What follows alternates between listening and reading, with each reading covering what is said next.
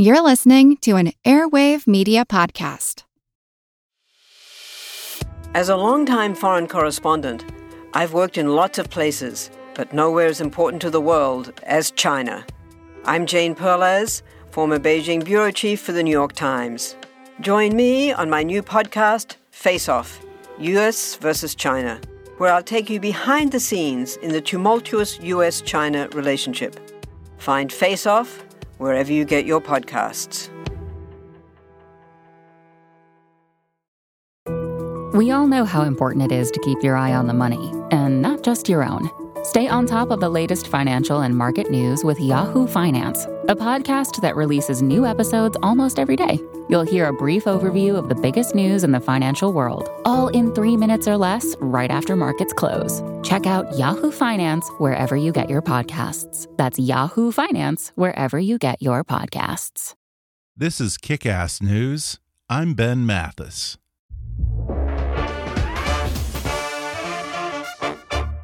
Today's podcast is sponsored by Nadex. Folks, you know, everyone's different. We have different fashion styles. We like different types of food. We have different dreams in life. And that applies to investing as well, because we all have different financial goals and different tolerances for risk. So, what if you could choose your maximum risk and reward up front? That way, you could try day trading the markets without worrying about the risk. Well, luckily, you can with binary options on Nadex.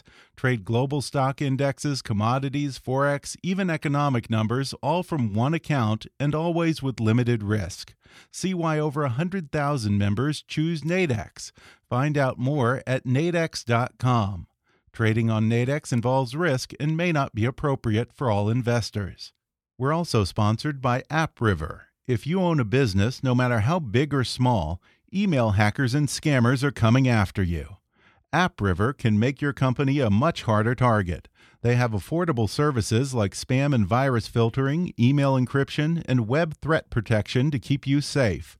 They also back their services with live 24 7 US based support at no additional charge. Try AppRiver services free for 30 days by visiting appriver.com slash kick. That's app, A-P-P, river.com slash kick. And now, enjoy the podcast. I'm Ben Mathis. Welcome to Kick Ass News. Folks, you know, when I was a kid, for a good chunk of my childhood, my greatest ambition in the world was to be a magician. Putting on shows at school or in the backyard at home and bugging my folks to buy me new illusions because, as Penn Jillette of Penn and Teller once said, magic is the only entertainment where a performer can simply buy an act. And while that's certainly true of a lot of stage magic, the most difficult and impressive tricks don't cost more than three bucks. Because every magician knows that nothing requires more talent and skill than sleight of hand performed with an ordinary pack of playing cards. Although magicians have created and presented myriad of illusions with cards over the past two centuries, most of these are generally considered to be built upon 100 or so basic techniques with names like the flesh grip pass, the Zingan bottom, and the Hindu shuffle. Moves perfected by the very best only after hundreds of thousands of hours of practice. No one knows that better than the greatest card magician in the world, Richard Turner although he prefers the term card mechanic. He's the subject of a new documentary feature called Dealt, and today he joins me on the podcast to talk about his art honed over countless hours of practice. So much so that he's virtually never seen without a deck in his hands, and today he'll fess up to shuffling cards in the movies, during church, and even while making love to his wife. Now that's dedication to your art. He'll reveal why he doesn't like to be called a magician or an illusionist. He'll discuss some of the less than ethical origins of card trickery and talk about the man who mentored him, Professor Dai Vernon. Then, in my own surprise reveal after the break, I will tell you something about Richard Turner that will completely blow your mind and leave you wondering how the hell he possibly does what he does. Coming up with the truly astounding Richard Turner in just a moment.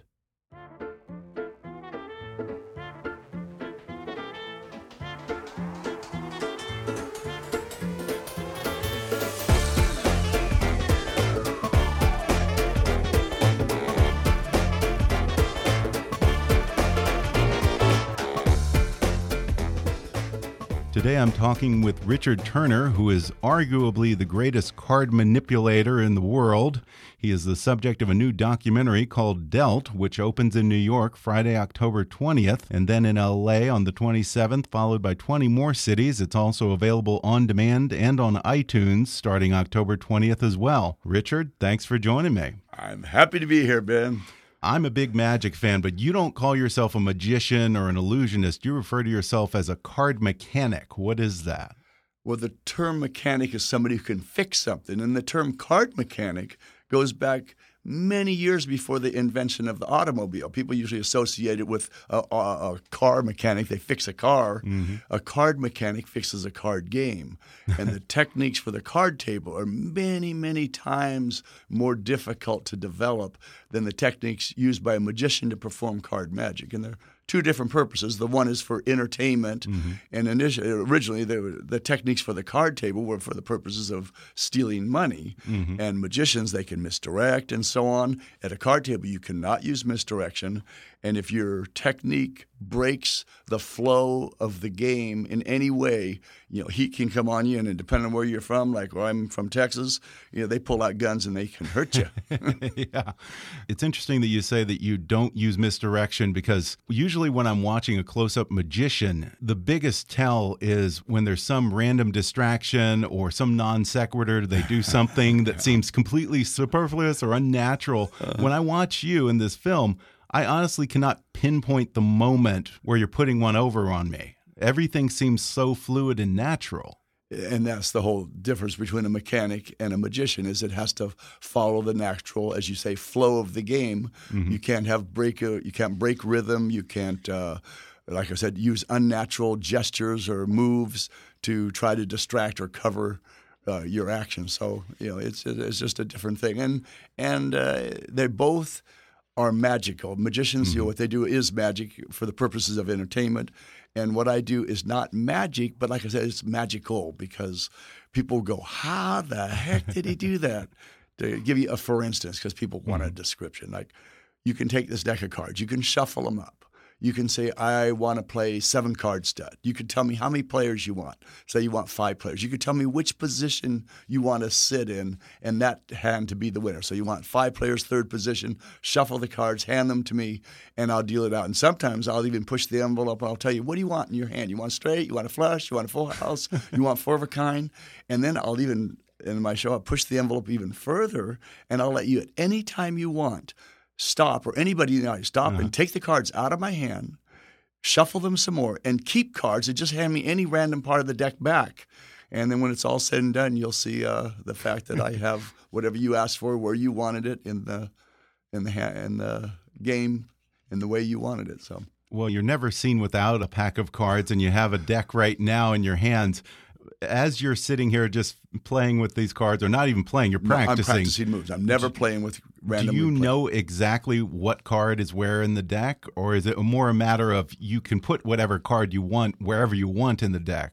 Is the, it card counting? What no, the, the, the, card counting doesn't even come into play. But the mm -hmm. second thing you said is the most accurate. I can take and put any card wherever you want it or deal uh-huh. whatever card I want or you want from whatever position in the deck to whatever position I want it to come out at or you want it to come out at. So it's more that's probably the more accurate term. Yeah. And a card counter is really the people that are playing the numbers, mm-hmm. the statistics of the game. Mm-hmm. I was on a show. Um, I'm sure you're familiar with MIT. They're yeah. they're well known for their the card counting, team, the blackjack yeah. team, and I was their keynote speaker this year, earlier this year, and uh, it was really fun because I had the poker club, the blackjack club, and and you can actually watch that one online. Richard Turner performs live at MIT, something like that.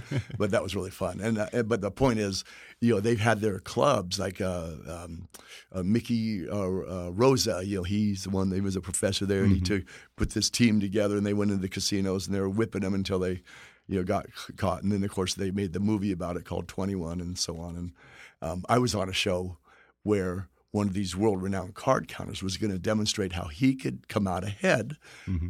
Beat the house basically. What he didn't know is they brought me in as the dealer for that segment. Oh, I was approached behind the scenes, say, "Hey, we have this card counter coming on. He's, he he claims this and that. And would you mind coming on the show and being the dealer for the show? We're not going to tell him we filmed for two hours, and he never won one hand. Really? During that whole time, he got so pissed, and he was he was uh, at one time he was grabbing the deck out of my hands and shuffling. He says, "Now deal," and of course I knew what he did. He just sat there very amateur, amateurishly, ran himself up a, a winning hand. So I just reversed it, dealt it to myself, and he goes, "I should have had that," and then he stopped in mid sentence because he realized he was on live television getting ready to admit that he just cheated when that was my job. I, I'm so dumbfounded. I mean, for someone to name a card and you be able to give it to them, don't you somehow have to know where all of those cards that could come up are in that no, deck? And I probably maybe I took it to the I know extreme. I magician said can't any give his card secrets, but yeah, and of course, uh, yeah, that's true too. Um, but uh, I, when I'm doing my show, I'm letting the other people shuffle the cards. So it's Mm-hmm. not like the deck is in a particular memorized order, and I'm working from that position. I'm working totally random because you are shuffling, you are cutting, you are chose, choosing all the circumstances, and then I'm working within that parameter that you Mm-hmm. set for me, and that is, and they're very, very, very, very tight conditions. I call it swinging without a net because sometimes I don't hit, and I Yeah. but for the most part, 95 percent of the time, I will hit and Mm-hmm. uh, you know come out with what I wanted, where you wanted, under the conditions that you set forth. Yeah, it's not a controlled environment. I mean, you, your your audience is right up on you, as closer closer than I am to you right now. When I was doing it with uh, Teller, uh, you know, I was on Penn and Teller show, Oh, yeah. which you mentioned, and uh, and uh, Teller just he loves sleight of hand. You know, he's Yeah. the magician. ju- uh, Penn is the originally was a juggler. And I, I said, Teller, you want me to show you how I can find cards? Yes, Richard, show me. and and Penn describes this. He says, Teller's like four inches, three inches from Richard's hands, and he's watching, and and Richard's showing him what he's doing, and. T- Teller says, "I'm not seeing anything. All you're doing is driving me crazy. I, it's even more confusing." And so it was really fun. So there, another my point is that even when you're right, bird dogging every move, you know, within inches of my Yeah. hand, uh, they they still uh, couldn't catch it. So Yeah. that made it fun. Is it a case of you're doing one move that you're really really good at, or is it a combination of moves? I'm doing a, a combination of many moves. the sequence that I did on Penn and Teller, just the fooling part, I had 13 different moves and controls that I had to execute to have that one effect uh, take place. And each one of those moves uh, took you know, many, many hours, thousands of hours, some of them, you know, tens of thousands of hours to accomplish. And uh, so it, it's a series of controls, moves, figure, movement, uh, you know, knowing how far down the card is, being able to get it out, put it where I want it, m- maneuver it to where I want it. Depending on what I'm doing, I'm either shuffling them back in exactly where you want, or I'm dealing them out from wherever they happen to be to where I want. And uh, each of those moves, you know, is you know difficult, and they also uh, I, I will use a, a many times a, a series of moves to accomplish one thing. But uh, again, in a card game, you can't be changing your methods. Whatever you're using in a game, you have to start and end with that. You can't have one method for because you're going to do this business here, and then have all of a sudden change your method because you're going to do some other method uh, for something else. You can't do that in a card game. You do that in a, sh- in a show because the public doesn't know the difference, but you can't do that in a card game. Now, have you ever tried to use your talents to win at a card game or to win money, not for entertainment purposes? Oh, I've I've made many many dollars uh, only because it's like you know I'm I've, I've been in the martial arts for many years, and it's like you spend all those years training how to hit, how to kick, and you just you know it's one thing to be able to hit and kick a bag, but it's another thing to chase a moving target that's hitting back, Yeah. and be able to get in there. So you know I spent all these years with the cards, and you just want to see how it works and how uh, and so uh, the answer obviously is yes. And of course, I actually started off that way because growing up, Really? uh, yeah, we were a card playing family. We were very, Yeah. very poor. We had chessboard, Monopoly, checkerboard, and cards, and that was it. And so we played a lot of cards. I was the oldest, and as the oldest, the oldest couldn't lose, so I started devising ways to make sure I didn't. And then my sister would tell her girlfriends, "My brother's so good, he never loses," which then I started getting a reputation as a you know youngster, and then all through high school, and and it just kept kept perpetuating itself, which then encouraged me to come up with newer and better methods, and it, and it just went until I met uh, my the guy who I studied with for 17 years, a guy named Professor Dai Vernon. Yeah, back in '75, and that was fantastic. Yeah, tell us about Dai Vernon. He features heavily in the documentary. Well, he was born in 1894. He lived to be over 98 years old. He was uh, the man who fooled Houdini. That took place, I think, it was 1919. Yeah, And- he did a card trick that Yes. Houdini. How Couldn't many figure it. times did he do it, and Houdini couldn't figure it out? But he, I think he did it five times. And Houdini's boast was if he, he saw something two or three times, he would be able to figure it out. And finally, his wife says, "Admit it, Harry. He fooled you." And uh, so um, uh, he he was he's been the teacher of all the great magicians from Jay uh, from uh, Jay Marshall to. Uh, Doug Henning in the Mm-hmm. Wow. Oh, 70s, yeah, you know, Doug all the way up the line, you know, and he just happened to, as he put it, outlive them all. and uh, and I he took a liking to me, and so I became the recipient of his gambling work because there's a there's a again there's a, a circle of there's a circle. There's the the cl- the close up magicians and the card magicians and the the gambling work. And Vernon would never tip the gambling work. That's the most closely guarded of all uh, forms of sleight of hand, if you would. You know, the gambling work is the stuff that that is still, even to this day, not out in ten thousand places on the internet that you can find out uh, how this particular trick was done or that particular trick was done. Um, and and it was partly because the purposes were for. Uh, as my old friend Tony Giorgio would say, get the money. In other words, steal the money, take Yeah. the money, uh, cheat them out of the money. And uh, and so though that move, those that information was very closely held, and Vernon would never show you stuff beyond your level. In other words, say you did a double lift, you know, he you would show him a double lift. Uh, it's a magic move where you turn over two cards, pretending you're turning over one card. You'll put that, you turn it back over, put that one in the middle of the deck, and pretend that it came to the top. Uh, and what Vernon would do is then show you a, a dozen more ways, a dozen better ways of doing what you just showed him. But then if you said, oh, "Professor, would you show me your second deal?" and if you couldn't do that, he wouldn't show you. He only showed you up to your level of expertise. He would not tip above that, and especially when it came to the ga- the gambling work. And like I said, part, partly it was because I was obsessive. You know, I I, lit- I literally practiced. Average practice day was for me was 14 hours. Wow. But a 10 hour day, that's when I had I, I did a, I was having to do some training for some fight or something. So I spent a little more time in the gym on that particular day. Uh-huh. But uh, there would be days I'd practice 20 hours a day, and I ma- I sustained that. That's dedication. Yeah, seven days a week for 26 years straight, a minimum of 14 hours, average of 14 hours a day. And now I put in only three to 10 hours a day. I think you say in the documentary that when you first met him, he gave you a trick and said, "When you perfect that, come back to me." And you worked and worked on it until you Oh. had it down, right? Oh, he he he. What Vernon did is he tr- he tricked me, and he'd say, "Now, Richard, Richard, watch this. You know, put your fingers out. The uh, way you want to do this is like this." And he described the moves to me not in the way that he could do them or the way that anyone else could do them, but in the way that he wished they could be done. and so he would describe to me in that manner, and because I believed that he could do it.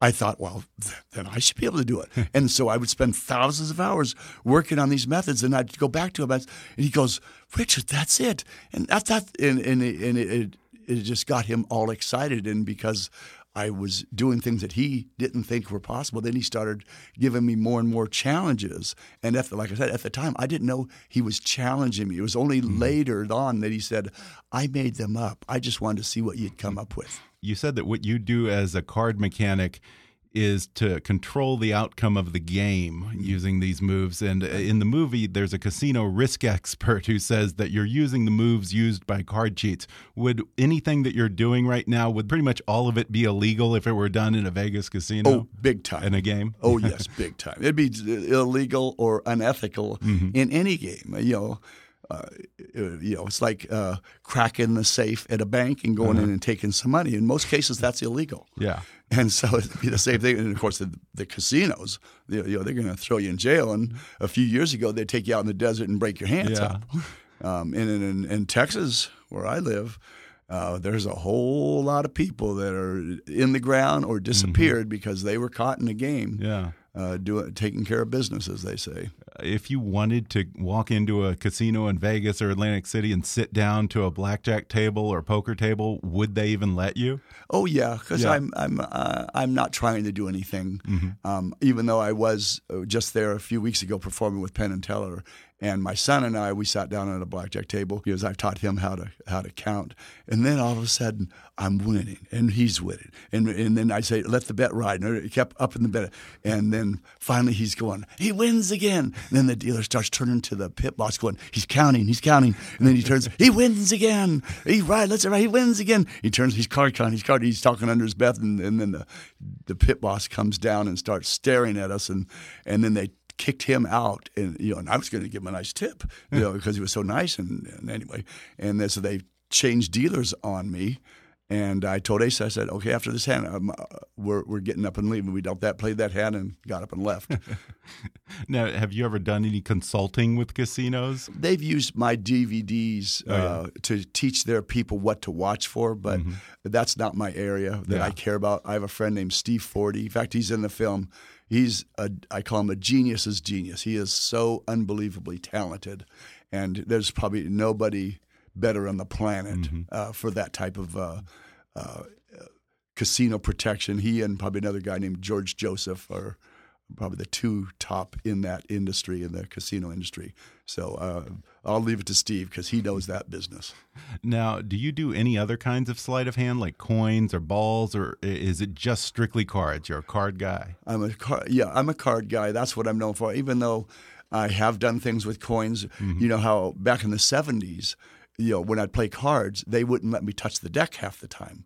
so I and I played with a bunch of doctors. They were all actually they're all dentists, and um, they would make me. I'd, I'd have to pass the deal, and so I, my hands couldn't stand it. So what I would do is I'd roll my poker chips, and I got to where uh, I the the magician will roll a coin around their knuckles, flip, flip, flip, flip, and then it goes uh, between the little pinky and the ring finger, and comes back. The thumb brings it back around, then it flips the finger. Then I got to I got two on one hand, three on one hand, four, fives, and the world's record at that world record at that time was four on one hand. I got where I could do eight on one hand. Wow. So, and that was just something I did for the freaky, just because I was freaky. And you said that you practice as many as 20 hours a day. On average, you said Average what, fourteen. about 14? 14, yeah. You literally have a deck in your hands every waking hour, don't you? uh, not when I'm now. When, well, yes. Then even when I was eating, uh, I would not when I was showering because I would Yeah. I would get in and out quick. Even though I had cards in the shower that were water, uh, they were KEM cards, they were waterproof, and I had other cards for when I was in the ocean. That I, I'm actually surfing in Costa. Rica, and I didn't even. My my brother is a champion surfer, and and uh, we get out, and he goes, "Are those cards in your back pocket?" And I, oh, I pulled them out. Oh yeah, and I, my my waterproof cards that I, but uh, obviously I didn't use them while I was surfing. What other kind of activities have you been caught doing while shuffling, doing card tricks? uh, well, um, making love with my wife. Making love with your wife? She- what- how, how did you, do that? Don't you have to have all your free hands? Uh, well, yeah, but I, you know, I always, uh, you know, had to to see what I. Could. Just hiding it? You should. You you. I stepped in it there, and of course, it's in the film. You know, you, if you remember. Um, uh, uh, but oh, uh, oh, uh, in church, um, you know, all of a sudden, you know, I I'm practicing, and and then. Uh, uh, people are watching me, and, and, yeah, and so I have a deck of cards that's all white. It's blank Yeah. on both sides, and I, and my wife keeps them in her Bible. So then I can just take them out, and they just think I have a stack of uh, of, of of a stack, stack of paper in my hand because I don't care. The, I'm practicing moves. I don't care if there's anything on the card. So that was that was another place. Um, Wait, you make your wife go to church with a hollowed out Bible yeah. just so you can play so I can put my hand. Why not? now i have to ask you, you you're constantly shuffling does the sound of card shuffling ever bother your poor wife No, She's Oh, gotten oh, used oh, to it? She, she well, she will. uh, I'll get a light tap on my elbow. Yeah. Shh. You know, because we're in a movie or we're in a place where uh, somebody is recording or we're being interviewed or, or some uh, or in church or whatever it happens to be, and I'm. You know, I'm practicing like a one-hand uh, shuffle strip out. You know, and that that makes a certain noise, Uh-huh. and uh, and then I you know strip them out and cut them, and uh, all of a sudden, you know, they go shh, shh, and so then I go back to dealing seconds or dealing bottoms because that doesn't make make any noise. Yeah. And uh, but yes, I I and then there was one time, you know, uh, you know, again it goes back to the church, and I'm a. Uh, someone was saying, you know, this particular service was being broadcast, and there's this guy with a deck of cards going, and so uh, I, can you put your cards away during that? And I, and so the the the next week I tried it, and my my wife said, "You're shaking," and it was the first time I had cards out of my hand for over five minutes, and uh, and I, and I didn't realize that I was shaking, almost like cold turkey or withdrawals or something. And uh, so then I picked up the little envelopes that you put your donations in, and I practiced with ah, settle down. And then then it was after that I came up with the the all white deck. We're going to take a quick break, and then I'll be back with more with the amazing Richard Turner when we come back in just a moment.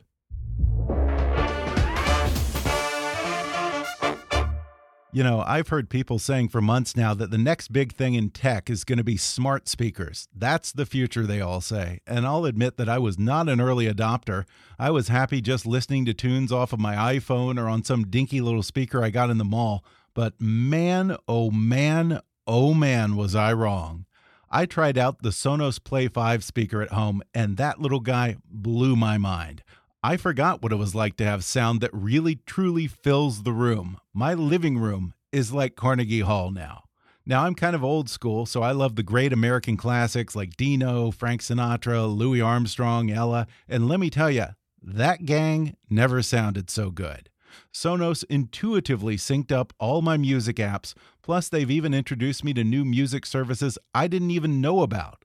Look, I'm not a techie. I'm terrible about reading instructions and figuring out what wire goes where, which is why having a smart speaker that truly lives up to that description is such a big deal to me. The Sonos speaker actually reads the room and fine tunes its acoustics accordingly. Plus, it uses Wi Fi, not Bluetooth, so you don't suddenly lose your music every time you leave the room.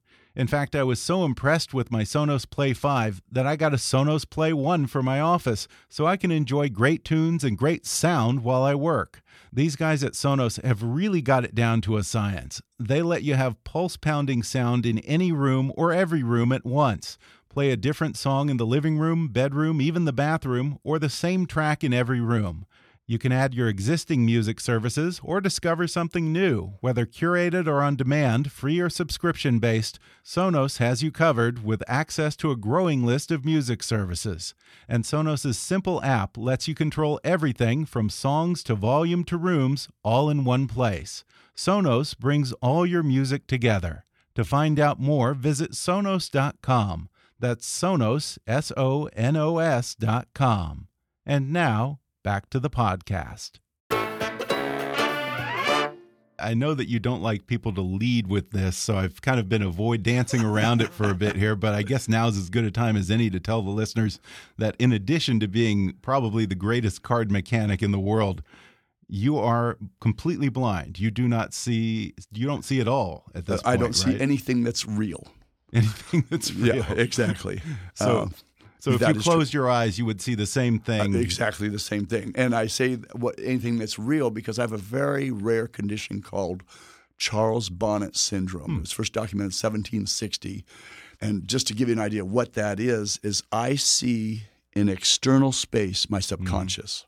So in other words, right now, if I close my eyes or open my eyes, hmm. like my eyes are now closed, mm-hmm. I still see vivid. I'm in the, what I call the blue spectrum. Every mm-hmm. shade of blue that you can imagine. They're all like paint strokes w- going up and down. I call it the right brain because it's more, it's more artistic and, and uh, not random. Mm-hmm. And with every subconscious image or thing you can imagine floating all around you, that's my normal state of, uh, Okay. a, of affairs or of vision. And then I have the a red spectrum is all geometric. How it's cool is because I can take and I can manipulate the I can manipulate these images into creating functional mm-hmm. visions. Like for instance, I want to design a house or, or uh, build a deck. I designed a, a three level deck on one of our homes. really? And I and I did it all in my head, and I would watch in full scale. My wife, my wife would tell you, I'm sitting in a chair just like this, and I'll watch. Okay, I need four by twelves over there, and then the cross beam. and then I, I circle back around. Okay, the, uh, the two by sixes need to be anchored. Like the horseshoes there, and I'll engineer this whole thing all in my head. And we're talking about a thousand cuts, three layer, three levels high, stairways, hanging chairs, built-in uh, flower be- flower beds, picnic Mm-hmm. tables, and the whole nine yards without a single piece of paper, without a single measurement. And I would tell my dad, he was my cutter. I said, Dad, this board needs to be 192 and a quarter inches long. and then they would watch this the whole thing come together like a giant jigsaw puzzle. but that's what I'm able to do with it. And uh, uh, here's an easier example when I want to memorize scripts or names or phone numbers, I can write the number down in the air. And I will see it floating in the air, just Really? as clear as you see it if, Like if it was written on a computer screen or a, or, or a chalkboard. And I have what's called an eidetic memory. I go take a picture of it, and I never forget it. That's remarkable. And uh, so that's that's part. And I, and you'll you'll constantly, well, not constantly, but my wife, people that are around me, will constantly see me taking notes. like when I, I asked her, "What's air. his name?" Yeah, and I'm right. I, I wrote your name down in the air, so I knew your name. And um, yeah, yeah. So I, yeah, I'm constantly taking notes. Well, I have to ask if you can't see cards, how do you know an ace from a queen? How do you know what you have in your hands? Uh, that is a good question that everybody wants to know. Yeah. And Uh, you, can you feel the texture of the print? Is it that? Oh, is I can. that I can feel print. I can feel texture. I can feel embossing depths. I can feel Really? caliper. I can feel moisture level. I can feel all kinds of things with a deck of cards. I'm actually the touch analyst for United States Playing Card Company. They make Yeah. just about every all the best decks of cards in the world. They make Bicycle Bee, Steamboat Hoyle, Mm-hmm. Tally Ho, KEM. And I've been their touch analyst for a couple of decades because my fingers are more precise than the measuring devices, and they send cards for me to touch and tell. So I can tell a lot of things. I, I'm very, very particular about cards, and and of course I help them make good cards, Mm-hmm. and so all the cards that I have, and or and the and the bicycle's the most recognized deck Yeah. of cards, and I have one of those the gold seal bikes, and it actually has a card in it that says tested, tested and approved by Richard Turner. Oh, really? and uh, and the, all the top card guys from around the world, they all use those cards. Really? So if I went to the drugstore and picked up a just a boring old pack of playing cards, you could pretty much do the same things do you're doing show. right now. I, oh yeah, Wow. I do my show. Uh, there are certain things that there are certain certain things that I wouldn't be able to do right off the bat Mm-hmm. because you know I'd like to. Uh, sometimes I like to spend ten minutes, fifteen minutes just breaking in the deck of cards because there's when they first come out they're like a slippery fish sometimes, Uh-huh. and certain things that I do. Um, like well, first a simple, just a simple one-hand shuffle. You know, if it's a brand new deck, you you can easily lose control of it, especially if I'm trying to do a one-hand, a fake one-hand shuffle. Then I then I want something that I've broke in for like 10, 15 minutes. And so I'll actually put a rubber band around deck telling me that this one I've shuffled for like 15 minutes so it's not quite so slippery and, and so on. But and then there's there's other things that, you know, the general public doesn't get to know.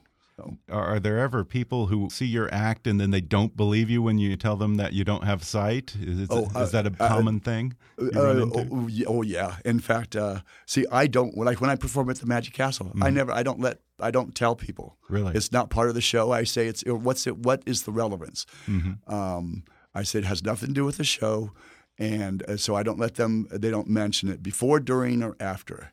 And one time, I had a very famous actress. I don't want to say her name because I don't want to embarrass her, but she was sitting to my right, and she goes, I said, uh, uh, shuffle the cards, make sure they're all face down.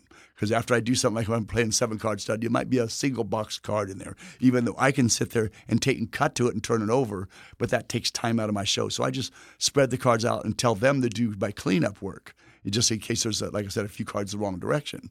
And then all of a sudden she goes, Can you see? And I go, shh, don't give away any secrets. And she goes, no, I'm serious. Can you see? And I said, no, don't give away any secrets. You know, and I'm going on with my show. And, she goes, you can't see, can you? And I go, oh, don't give away. Yeah, just watch the show, watch the show. And that whole show, all she spent the whole time arguing with herself, going, you can't see. Oh, you can see. You can't see. You can't. And, and all the way through. And she kept, and she would hardly paid attention to anything I was doing. She was just watching. She was following your eyes instead of the cards. Yeah, arguing with herself. And then finally at the end, she did, resolved to herself, You can see. I don't know what I was thinking. and then when she stood up and her date told her that I couldn't see, she fell over. W- and if I mentioned her name, you would know who I was talking about. now, when someone comes up to you and doesn't believe that you can't see, is that the I biggest compliment of all to you? Oh yeah, I don't. I, I just uh, that's what I I don't want. Uh, and then let me back up. For most of my life, if you mentioned it, I got I got ticked off at you. yeah. You know, and uh, I would uh, say, "What is that? What you know?" I, oh, well, sometimes I had some bad comebacks. I said, "Yeah, he has he has a wooden leg, or he has a wooden something else, or he, you know, oh, uh, you know." I said, "What?" And they go, "Oh, really? Does he have a wooden leg?" And, he, and so I, In fact, you say that you're not even comfortable with the word blind and certainly not handicapped. You hate that. Oh yeah, I hated that when I because I shipped off to a special school for the visually impaired. Mm-hmm. Nowadays they say visually impaired, which is politically more decent than handicapped because I was Mm-hmm. Yeah. in what VH group, they which stood for visually handicapped, and I just hated that word. And I hated the word blind, and I, even today it took me years before I even say that word. and uh, but now I'm old and decrepit. Well, I'm not quite decrepit, but I am old, and I don't care anymore. I, and like my wife Kim, my beautiful wife of many years, she would say, "Get over yourself," you know, because there was a period of time, you know, when I went from a sighted, uh, you know, a a, a sighted disabled person, or not. Let me put it another way. Uh, you know, I was I was independent, but I had a disability to where I became dependent. Before I could walk alongside somebody and not need to, to touch them or them touch me. Would that be what they would call legally blind then? Yes, Okay. exactly. Legally Okay. blind. Uh huh. And then I went to when I went totally blind. All of a sudden now, I have to have somebody that I either touch or they touch me. Mm-hmm. And and again because of my ego, if you want to call it that, um, I don't even I never take an elbow. I make I have them drive me like a like a video game. I say they say you want to take my no I don't touch elbows. I said put your right hand on my left shoulder and pretend we're playing a video game. You just steer me like a video game. I can feel your movement with your eyes through your hands. Wherever you to face those fingers, you uh, push forward for go, back for stop, left for right, and uh, and I'll, you can walk me through a minefield and and nobody would know it. And the only place I want heads up is stairs. See, I don't mind falling upstairs, but I hate falling down them. Yeah. it hurts more, and I and I keep on going. and then, uh, but my wife, Kim, we have hand signals. Okay. We uh, she doesn't even have to do anything. I can feel her thoughts through her hand. We hold hands, or even we will cross arms like a couple does, and. Uh, and like I said, we can walk through a crowd of people and nobody would have any clue. It would just wind out. They just think I see everything perfectly. Yeah, you certainly don't let it slow you down one bit. It's amazing. in And I- I addition the- to I this, have the scars to show it on my head. Yeah, yeah. What are some of the other activities that you've done despite not being sighted? Well, like swing on the trapeze. I used to swing on the trapeze. In fact, I took a few celebrities for their first swing on the trapeze. trapeze. Um, I worked with a guy named Bob Yerkes, Y E R K E S. He's done more stunts than anybody. A wonderful friend. He, he was at our screening at the Magic Castle last night. He's 85 years old now, and we've been friends for almost 50 years. And um, uh, I was with him when he trained the Circus of the Stars and Wonder Woman and you know shows like that. So I took high falls, tightrope. I used to tightrope around multi-story buildings, um, just just for the sake of uh, you know the, the challenge. And I, if I'm hiking in the sequoias and there's a tree crossing a, a canyon that's you know 200 foot down, I walked across that that, that I had to cross that tree or or. And then when they're filming this movie, they went through all my archival footage, and they had pictures of me climbing up a waterfall naked. when did that ever happen? what, what, I, you know, I, I can't deny what I did because there's the evidence. Um, but my, probably my one of my biggest accomplishments is when I earned my first degree black belt. I'm a Yeah. six degree black belt, but uh, uh, we had one of the toughest karate schools anywhere in the country, and to earn a black belt under this crazy man Murphy, who's like my second father, you had to fight a 10 three minute round bout with a fresh fighter each round. And uh, I had all black belts, only one one of them that wasn't a black belt. And the rules were you had to come out alive with spirit. and he defined that as meaning even if your teeth had been punched down your throat, you're still smiling. You still had a good attitude, even though you were hurt. And the first round, I just I took a I was fighting a guy named John Douglas who was a, a tremendous fighter, and I probably the only thing I really took that was really it was a, he caught me wide open right in my solar plexus, and he's outweighed me by quite a bit. He was heavyweight. That hurt. Uh, the second round, I had my nose smashed, and you hear this big old pop, and that was my nose going down. And then you hear whack, whack, whack, and that was my groin. And uh, third round, and that, and that, that uh, that's just a few of the highlights of third round. I was Kimko. Oh, I, I nailed him good because I, uh, twice I lifted him off the ground with a uh, kick right between his legs, and uh, and so I I kind of hurt him because the groin was an open shot. This is insane, though. And, and, then the fourth round, I fought a guy named Diego, who's a who we were both same height and weight, and, and, it looks like we're trying to kill each other, which in the ring we are, but we're really we're brothers, you know. But we're we were so equally matched because we're both height, same height and weight. Fifth round, but the worst was the seventh round. I fought the heavyweight champ of Mexico, and he was uh, I'm going to use the he was a B. He was a real bad guy. In fact, he ended up murdered um, in Tijuana for robbing uh, uh, federal. He was a federal and he'd rob, rob Americans. He ended up dead. In fact, five out of the people in my test ended up mur- ended up dead. I caught a ridge hand on the right ear, and he ruptured my right eardrum. And I caught, I was, you know, because he was he weighed 50 pounds more than me, and so I was doing everything I could just to survive. Because my heart's now going 195 beats a minute. I've already been through six full rounds, and I caught a roundhouse kick right here yeah. And he snapped this bone right here. So Ooh. I fought three and a half rounds with a broken right arm. So it My hurt. God. okay, I have to ask: Are you insane? Uh, your whole livelihood, you you make your living with your hands, I and yet you're, you're I get, punching bricks and boards in people's faces. I know. You I don't get worry. I, I get flack from that for a half a century. People have been saying. Are you crazy? That's your livelihood, your hands, and what the heck are you doing fighting? And uh, I, I just had two loves. One was started with Maverick as a, a little seven year old watching Maverick. The mm-hmm. other was watching Bruce Lee and uh, the Green Hornet. Yeah. He played Kato back in '66, yeah, yeah. and I saw him kick somebody in the head. I want to be able to do that because I had these punks that used to push me around when I was a kid, and I thought I'm going to learn karate, kicking your faces one of these days. And uh, so uh, those were my two two yeah. things. And the other one was watching Charlton Heston in Ben Hur, and I, I want a body like Charlton. I want to kick like Bruce Lee or Chuck Norris, and I want to be able to. I want to be a gambler like uh, Maverick. So those are just my three interests, and then I just pursued them to uh, to where I managed to do them. Well, you say in the film that you don't think that you would have gone as far if you had had sight.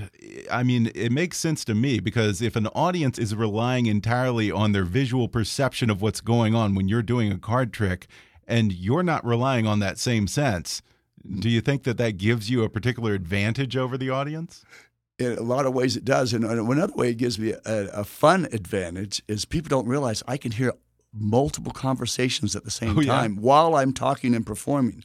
So I'm sitting there talking to this person over here, carrying on a conversation while these two people are over here whispering something, and I will stop right in the middle of my show and answer their question or do something or set them up for something later because I, uh, you know, I, I hear I will hear and be able to retain multiple conversations while I'm talking and performing. So in that sense, you know, that's that's kind of a cool thing, and I use it to my to my advantage, which can make it for a better show if you you know set them up and all of a sudden bingo stung him just mm-hmm. because they didn't know they I could hear what they were saying. Yeah, and uh, just in case anyone doubts uh, how much of an obsession this is, what's your, your son's, son's name? name? my son's name.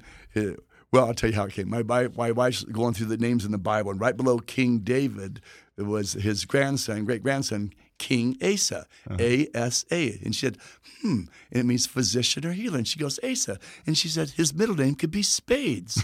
and I jumped from my chair. I said, that's it. Asa Spades. That's the perfect name for the son of a card shark. And she goes, no, no, we're not naming our son Asa Spades. I'm making a joke. It's a joke. I said, no, that's it.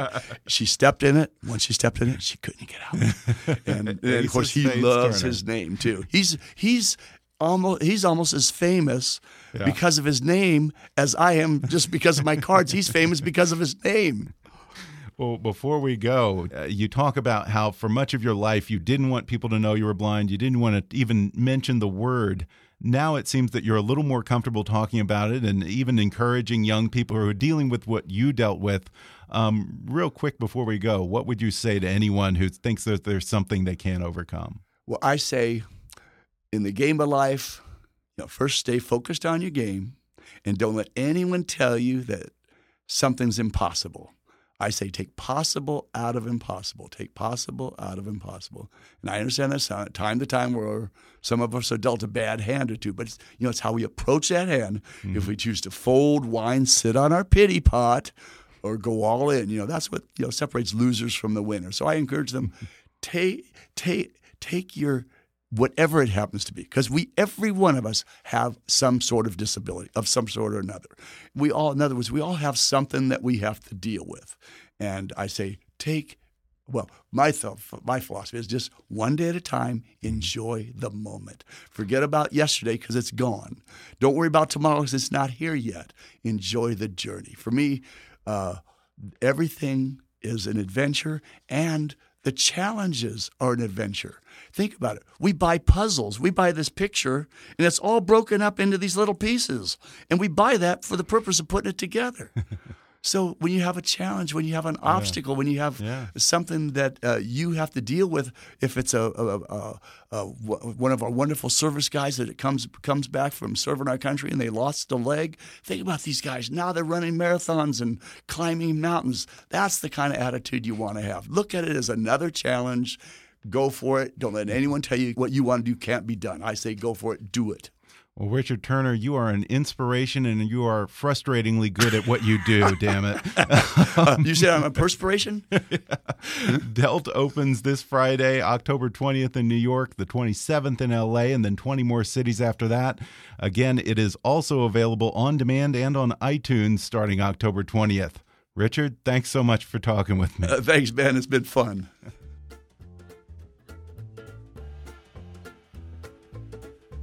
Thanks again to Richard Turner for joining me on the podcast. Dealt opens in theaters in New York as well as on demand and on iTunes Friday, October 20th. Then in Los Angeles starting October 27th, followed by additional theatrical engagements in select cities. For showtimes and information, visit dealtmovie.com. And you can keep up with Richard Turner at richardturner52.com. And yes, that's 52, as in 52 cards in a deck. Today's episode was sponsored by Nadex. Imagine if you could choose your maximum risk and reward up front. That way, you could try day trading the markets without worrying about the risk. Well, luckily, you can with binary options on Nadex. Trade global stock indexes, commodities, forex, even economic numbers, all from one account and always with limited risk. See why over 100,000 members choose Nadex. Find out more at nadex.com. Trading on Nadex involves risk and may not be appropriate for all investors. Also, if you haven't already, be sure to subscribe to Kickass News on Apple Podcasts and rate and review us while you're there. And please take a moment to take our listener survey at podsurvey.com/kick so we can get to know who's listening and it's also helpful with our advertisers. Like us on Facebook and follow us on Twitter at, at KickassNewsPod. And as always, I welcome your comments, questions, and suggestions at comments at kickassnews.com. For now, though, I'm Ben Mathis, and thanks for listening to Kickass News.